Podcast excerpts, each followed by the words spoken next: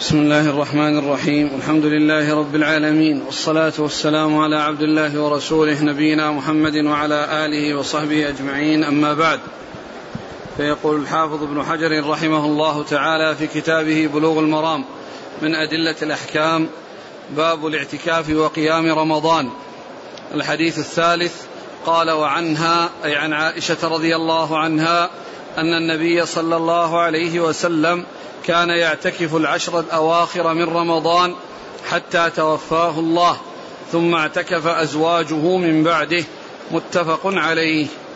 بسم الله الرحمن الرحيم. الحمد لله رب العالمين وصلى الله وسلم وبارك على عبده ورسوله نبينا محمد وعلى آله وأصحابه أجمعين. أما بعد فهذه أحاديث تتعلق بالاعتكاف وقد أوردها الحافظ بن حجر رحمه الله في كتابه بلوغ المرام في باب الاعتكاف وقيام رمضان. وهذا الحديث فيه الدلالة على مشروعية الاعتكاف لأن النبي صلى الله عليه وسلم كان يعتكف العشر الأواخر وقد اعتكف أزواجه من بعده. فدل هذا على أنه حكم مستمر وغير منسوخ لأن الرسول صلى الله عليه وسلم فعله وهذا وهذا الحديث يدل على أن أزواجه من بعده فعلنه ويدل على اعتكاف الرجال والنساء على أن الرجال يعتكفون وأن النساء تعتكف لأنه قال في هذا الحديث ثم اعتكف أزواجه من بعده فقد اعتكفنا رضي الله عنهن بعد وفاة الرسول صلى الله عليه وسلم ودل على استمرار حكم الاعتكاف وكذلك على أن النساء يعتكفن لكن حيث لا يترتب على اعتكافهن في المساجد مضرة حيث لا يترتب على اعتكافهن في المساجد مضرة عليهن وعلى غيرهن. وقد كان عليه الصلاة والسلام يعتكف في أول رمضان ووسطه وبعد أن علم أن ليلة القدر في العشر الأواخر اعتكف بالعشر الأواخر وكان اعتكافه بالعشر الأواخر من رمضان صلوات الله وسلامه وبركاته عليه. وكان يعني في ذلك انتظار ليلة القدر لأن ليلة القدر محصورة في العشر الأواخر فهي لا تخرج عن العشر الأواخر وهي ليلة عظيمة هي خير من ألف شهر كما جاء ذلك في القرآن وأنزل الله في ذلك سورة خاصة هي سورة القدر. نعم. والاعتكاف والاعتكاف لغة الثبوت واللزوم والمكث. وأما في الشرع فهو لزوم المسجد لزوم المسجد من من شخص مخصوص على وجه مخصوص. وعلى هذا فإن الاعتكاف لا يكون في المساجد لا يكون في البيوت ويكون في مساجد معمورة يصلى فيها ليست مهجورة فلا يصلى فلا يعتكف في في مسجد في مسجد مهجور لا يصلى فيه. وأولى ما يكون الاعتكاف في المسجد الجامع الذي فيه جمعة حتى لا يحتاج إلى الخروج لصلاة الجمعة. وإن اعتكف في مسجد جامع تقام فيه الصلوات الخمس فإن ذلك لا بأس به ولكنه عند عند يخرج. ولكن لو اعتكف في مسجد يجمع فيه يصلى فيه الجمعة فإن ذلك هو الأولى والأفضل لأن آه لأن لأنه لا يحتاج مع ذلك إلى الخروج إلى مسجد يصلى في جمعة. أما الجامع الذي يصلي فيه الصلوات فيجوز أن آه، يعتكف فيه ويخرج للجمعة. لكن الأولى أن يكون في مكان يصلى في جمعة حتى لا يحتاج إلى الخروج. نعم.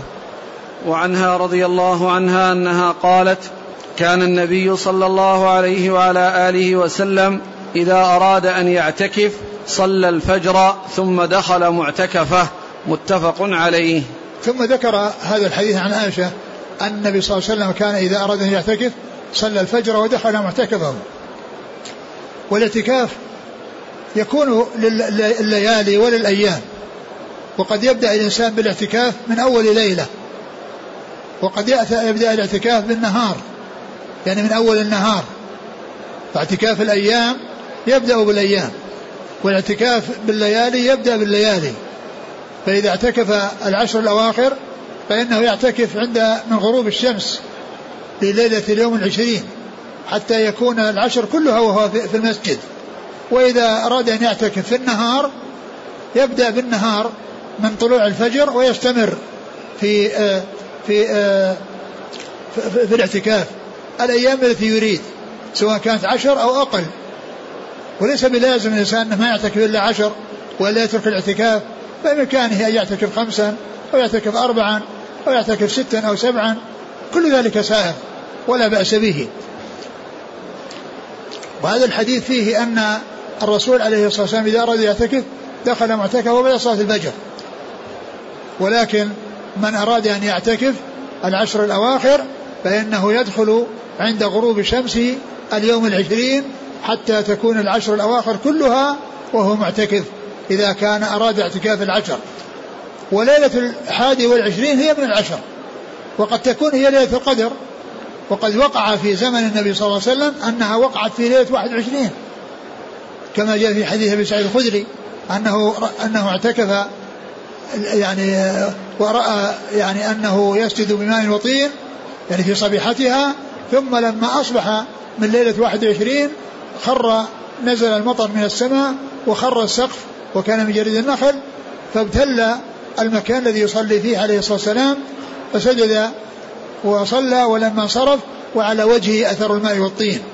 على وجهه أثر الماء والطين فكانت ليلة القدر في تلك السنة ليلة 21 وهي ليست ثابتة في ليلة معينة بل إنها تتنقل في الليالي قد تكون في 21 وقد تكون في 25 وقد تكون في 27 وقد تكون في في غير ذلك.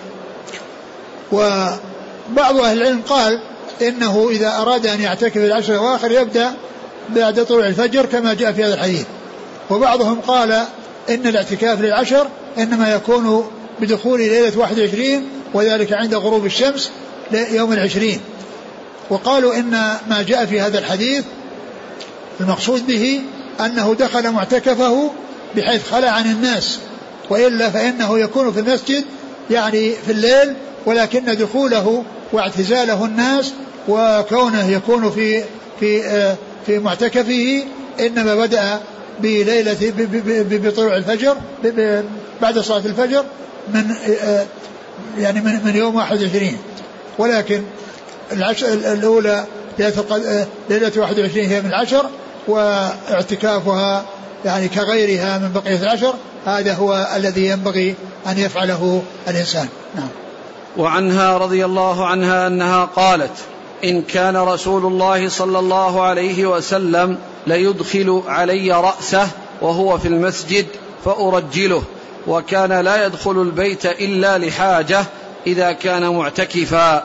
متفق عليه واللفظ للبخاري. ثم ذكر هذا الحديث عن عائشة وهي أن النبي صلى الله عليه وسلم كان يدخل رأسه إليها وهي في حجرتها وهو في المسجد فترجله يعني تسرحه و وكان معتكفا وهي في بيته وهي في بيتها وهو في المسجد. وهذا يدل على أن المعتكف يتنظف ويتزين ويرجل شعره ويتطيب ويتنظف وأن ذلك لا بأس به بالنسبة للمعتكف. وأن الاعتكاف إنما يكون في المسجد الاعتكاف إنما يكون في المسجد لأنه لو لم يكن في المسجد لا آه، حصل منه الاعتكاف في بيته ولا أرشد نساءه ليعتكفن في بيوتهن. لكن كونه يكون في المسجد كونه يعتكف في المسجد وعندما يحتاج إلى آه، آه، ترجيل شعره لا يدخل البيت ويجلس فيه ويترجله.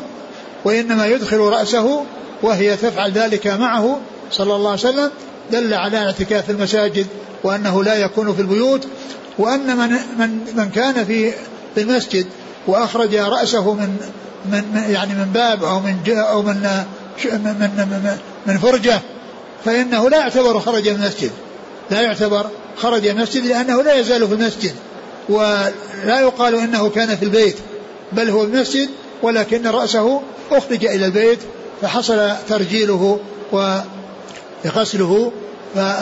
فدل هذا الحديث على الاعتكاف في المساجد وأن المعتكف ينظف نفسه ويرجل نفسه وعلى أن المرأة تخدم زوجها وتقوم بخدمته لأنها هي التي قامت بذلك أي بالترجيل وإدخال رأسه عليها وأنه كان وأنها كانت ترجله. فدل على قيام النساء بمثل ذلك مع الرجال وأن وأن الرجل يستخدم امرأته في مثل يعني في, في, في مثل هذه الأمور. ودل هذا على أن الإنسان لا يدخل البيت ويذهب إليه لمثل هذه الأمور وإنما يدخل إليه لحاجة الإنسان والشيء الذي لا بد منه وهو كونه يعني يقضي حاجته يقضي حاجته لأن خروجه من المسجد ودخوله البيت من أجل هذا آه، أمر لا بد منه. نعم.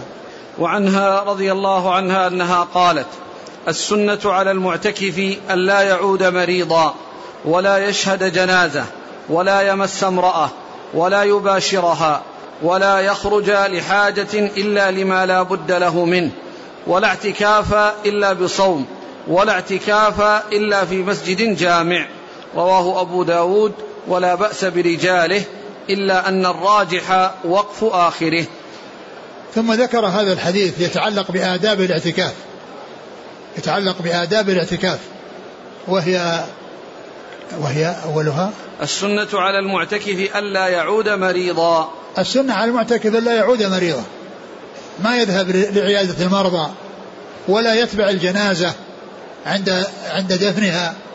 وإذا صلي عليها في المسجد يصلي عليها لكن لا يذهب يتبعها ولا يعود مريضا في بيته أو في مستشفى لأن هذا ينافي الاعتكاف وآداب الاعتكاف لأن الاعتكاف الخروج منه لأمر لا بد منه كقضاء الحاجة كونه يعني ينقض الوضوء وكونه يغتسل يعني إذا احتاج إلى غسل بأن حصل له احتلام فهذه أمور لا بد منها.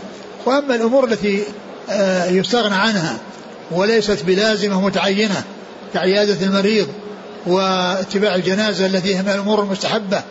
فإن للإنسان ألا يفعل فإن المشروع في حق الإنسان ألا يفعل. لأن قوله السنة كذا أي أن هذا هو الذي جاءت به السنة عن رسول الله صلى الله عليه وسلم. قال عليه الصلاة والسلام السنة ألا يعود مريضا ولا يشهد جنازة. ولا يمس امرأة نعم. ولا يباشرها. ولا يمس امرأة ولا يباشرها. يعني لا يمسها ولا يباشرها بأن يضطجع بجوارها وأن يعني يمس جسد جسدها يعني بحيث يعني إلا آه، يلتصق بها. ولكن كونها يعني تمس جسده أو تمس شعره كما حصل لعائشة في الحديث السابق أنها كانت ترجله مثل ذلك لا بأس به مثل ذلك لا بأس به. لا بأس بذلك ف فمثل هذه الأمور لا يفعلها المعتكف ولهذا قال ولا تباشرهن وأنتم عاكفون في المساجد نعم. ولا يخ ولا يخرج ولا يخرج إلا ولا يخرج لحاجة إلا لما لا بد له منه.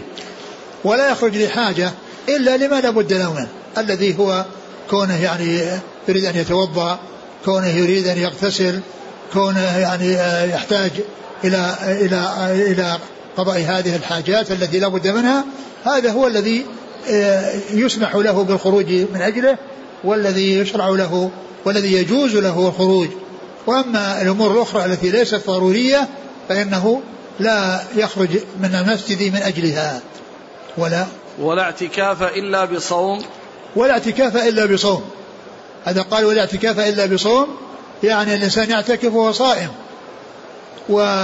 وكذلك لا اعتكاف إلا في مسجد جامع. ولا اعتكاف إلا في مسجد جامع. ولا اعتكاف إلا في مسجد جامع.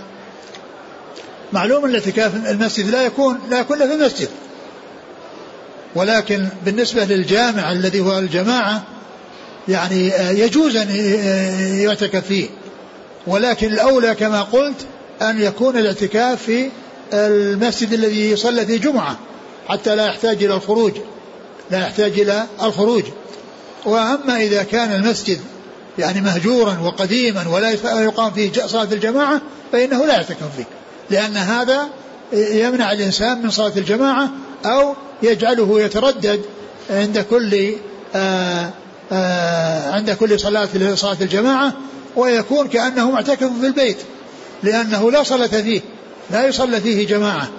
لا يصلى صلاة الجماعة لا تكون في البيوت وإنما تكون في المساجد التي يجمع فيها فيكون الإنسان آه لا يصلي في بيت في مسجد مهجور وإنما يصلي في مسجد آه جامع يصلى فيه الجمعة والجماعة أو يصلى فيه الجماعة ولكن الأول أو الأول الذي هو كونه يصلى فيه جمعة وجماعة هذا هو الأولى حتى لا يحتاج إلى خروج إلى الجمعة.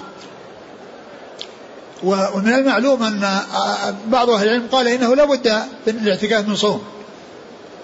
لا بد في الاعتكاف من صوم. والرسول عليه الصلاة والسلام كان يعتكف العشر الأواخر والصيام موجود فيها ولكنه جاء اعتكف في شوال. ومعلوم أن شهر شوال ليس شهر صيام وإنما يصام فيه المشروع الست الذي جاءت عن رسول صلى الله عليه وسلم. فكونه اعتكف في في شوال يعني هذا يفيد بأنه لا يلزم الصيام. لأن الأصل هو عدم الصيام في شوال ويعني ولم يثبت أن الرسول صلى الله عليه وسلم كان معتكفا وإذا اعتكف وإذا كان عليه الصلاة والسلام صار صائما في العشر في العشر من شوال فهو يدل على حصول الاعتكاف حصول الصيام في الاعتكاف. لكن ما جاء شيء يدل عليه وقبل جاء شيء يدل على أن عمر رضي الله عنه نذر في الجاهلية أن يعتكف ليلة في نفس الحرام فقال له النبي صلى الله عليه وسلم أوفي بنذرك. والليل ليس محلا للصيام. والليل ليس محلا للصيام. وعلى هذا فإن الاعتكاف الأفضل أن يكون عن صيام وإذا لم يحصل فإنه لا بأس به ولم يأتي شيء يدل على لزوم الاعتكاف في حال الصيام. الصيام في حال الاعتكاف. أما بالنسبة للاعتكاف إلا في مسجد جامع فمعلوم أن هذا لا بد منه. يعني إما جامع يجمع فيه الجمعة والجماعة أو جامع صلى فيه الجماعة وهذا أمر لا بد منه لأن الاعتكاف لا يكون إلا بمساجد ويكون بمساجد غير المهجورة وغير المهجورة اللي يصلى فيها الجمعة أو يصلى فيها الجمعة والجماعة. والله تعالى أعلم وصلى الله وسلم وبارك على عبده ورسوله نبينا محمد وعلى آله وأصحابه أجمعين. حديث ابن عباس نعم. ليس على المعتكف. ويش؟ ليس على المعتكف صيام إلا أن يجعل على نفسه. يعني بعده؟ أي. اقرأه. وعن ابن عباس رضي الله عنهما أن النبي صلى الله عليه وعلى آله وسلم قال ليس على المعتكف صيام إلا أن يجعله على نفسه. رواه الدار قطني والحاكم والراجح وقفه أيضا. وهذا الحديث فيه أنه ليس على المعتكف الصيام إلا يجعله على نفسه. يعني إذا كان نذر نذر أن يعتكف صائما وأن يكون اعتكافه في صيام فإن هذا يفي بنذره. وكذلك أيضا إذا أراد أن يصوم وأن يكون يعني يجعل على نفسه أنه يصوم وأنه يعتكف ويصوم فعند ذلك لا بأس. أما كونه من أراد أن يعتكف لا يجوز له الاعتكاف إلا في صيام فهذا ليس بواضح وإنما الواضح أن أنه أولى الإنسان يكون صائما وأنه لو لو اعتكف بدون صيام في مثلا في أي شهر من الشهور فإن ذلك سائغ ولا بأس به. والله أعلم وصلى الله وسلم على عبده ورسوله نبينا محمد وعلى آله وأصحابه أجمعين. جزاكم الله خيرا وبارك الله فيكم ألهمكم الله الصواب وفقكم للحق. نفعنا الله ما سمعنا وغفر الله لنا ولكم وللمسلمين أجمعين. سبحانك اللهم وبحمدك نشهد أن لا إله إلا أنت نستغفرك ونتوب إليك.